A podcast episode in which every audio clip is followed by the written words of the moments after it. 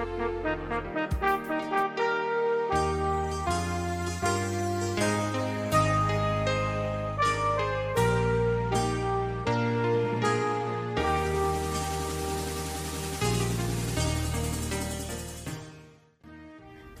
Harian HKBP Rawamangun Ikutlah Aku, Senin 21 Maret 2022, dengan tema Pengharapan yang Terus Ditumbuhkan.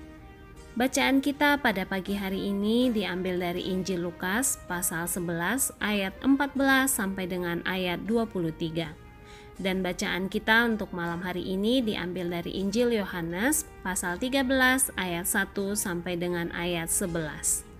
Dan renungan kita hari ini diambil dari Wahyu pasal 11 ayat 15. Demikian firman Tuhan. Lalu malaikat yang ketujuh meniup sangkakalanya dan terdengarlah suara-suara nyaring di dalam sorga. Katanya, pemerintahan atas dunia dipegang oleh Tuhan kita dan dia yang diurapinya.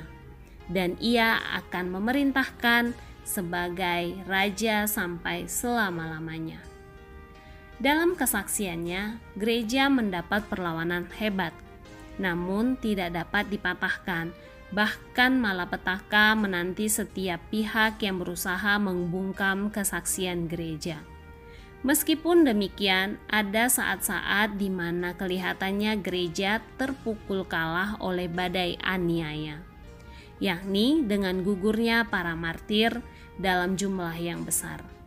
Kekalahan tersebut disambut gembira oleh masyarakat dunia yang memang memusuhi Kristus dan kerajaannya.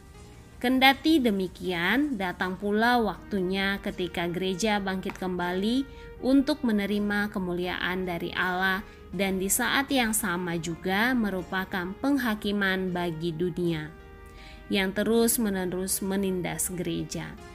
Sangkakala ketujuh akhirnya dibunyikan pula, disusul dengan kor di sorga tentang ketuhanan Allah oleh makhluk-makhluk sorgawi. Isinya adalah perayaan atas kekuasaan Allah dan ucapan syukur atas pelaksanaannya. Dalam pujian tersebut, terungkap pula pemberontakan bangsa-bangsa terhadap Allah namun Allah akan menindak mereka dengan tegas.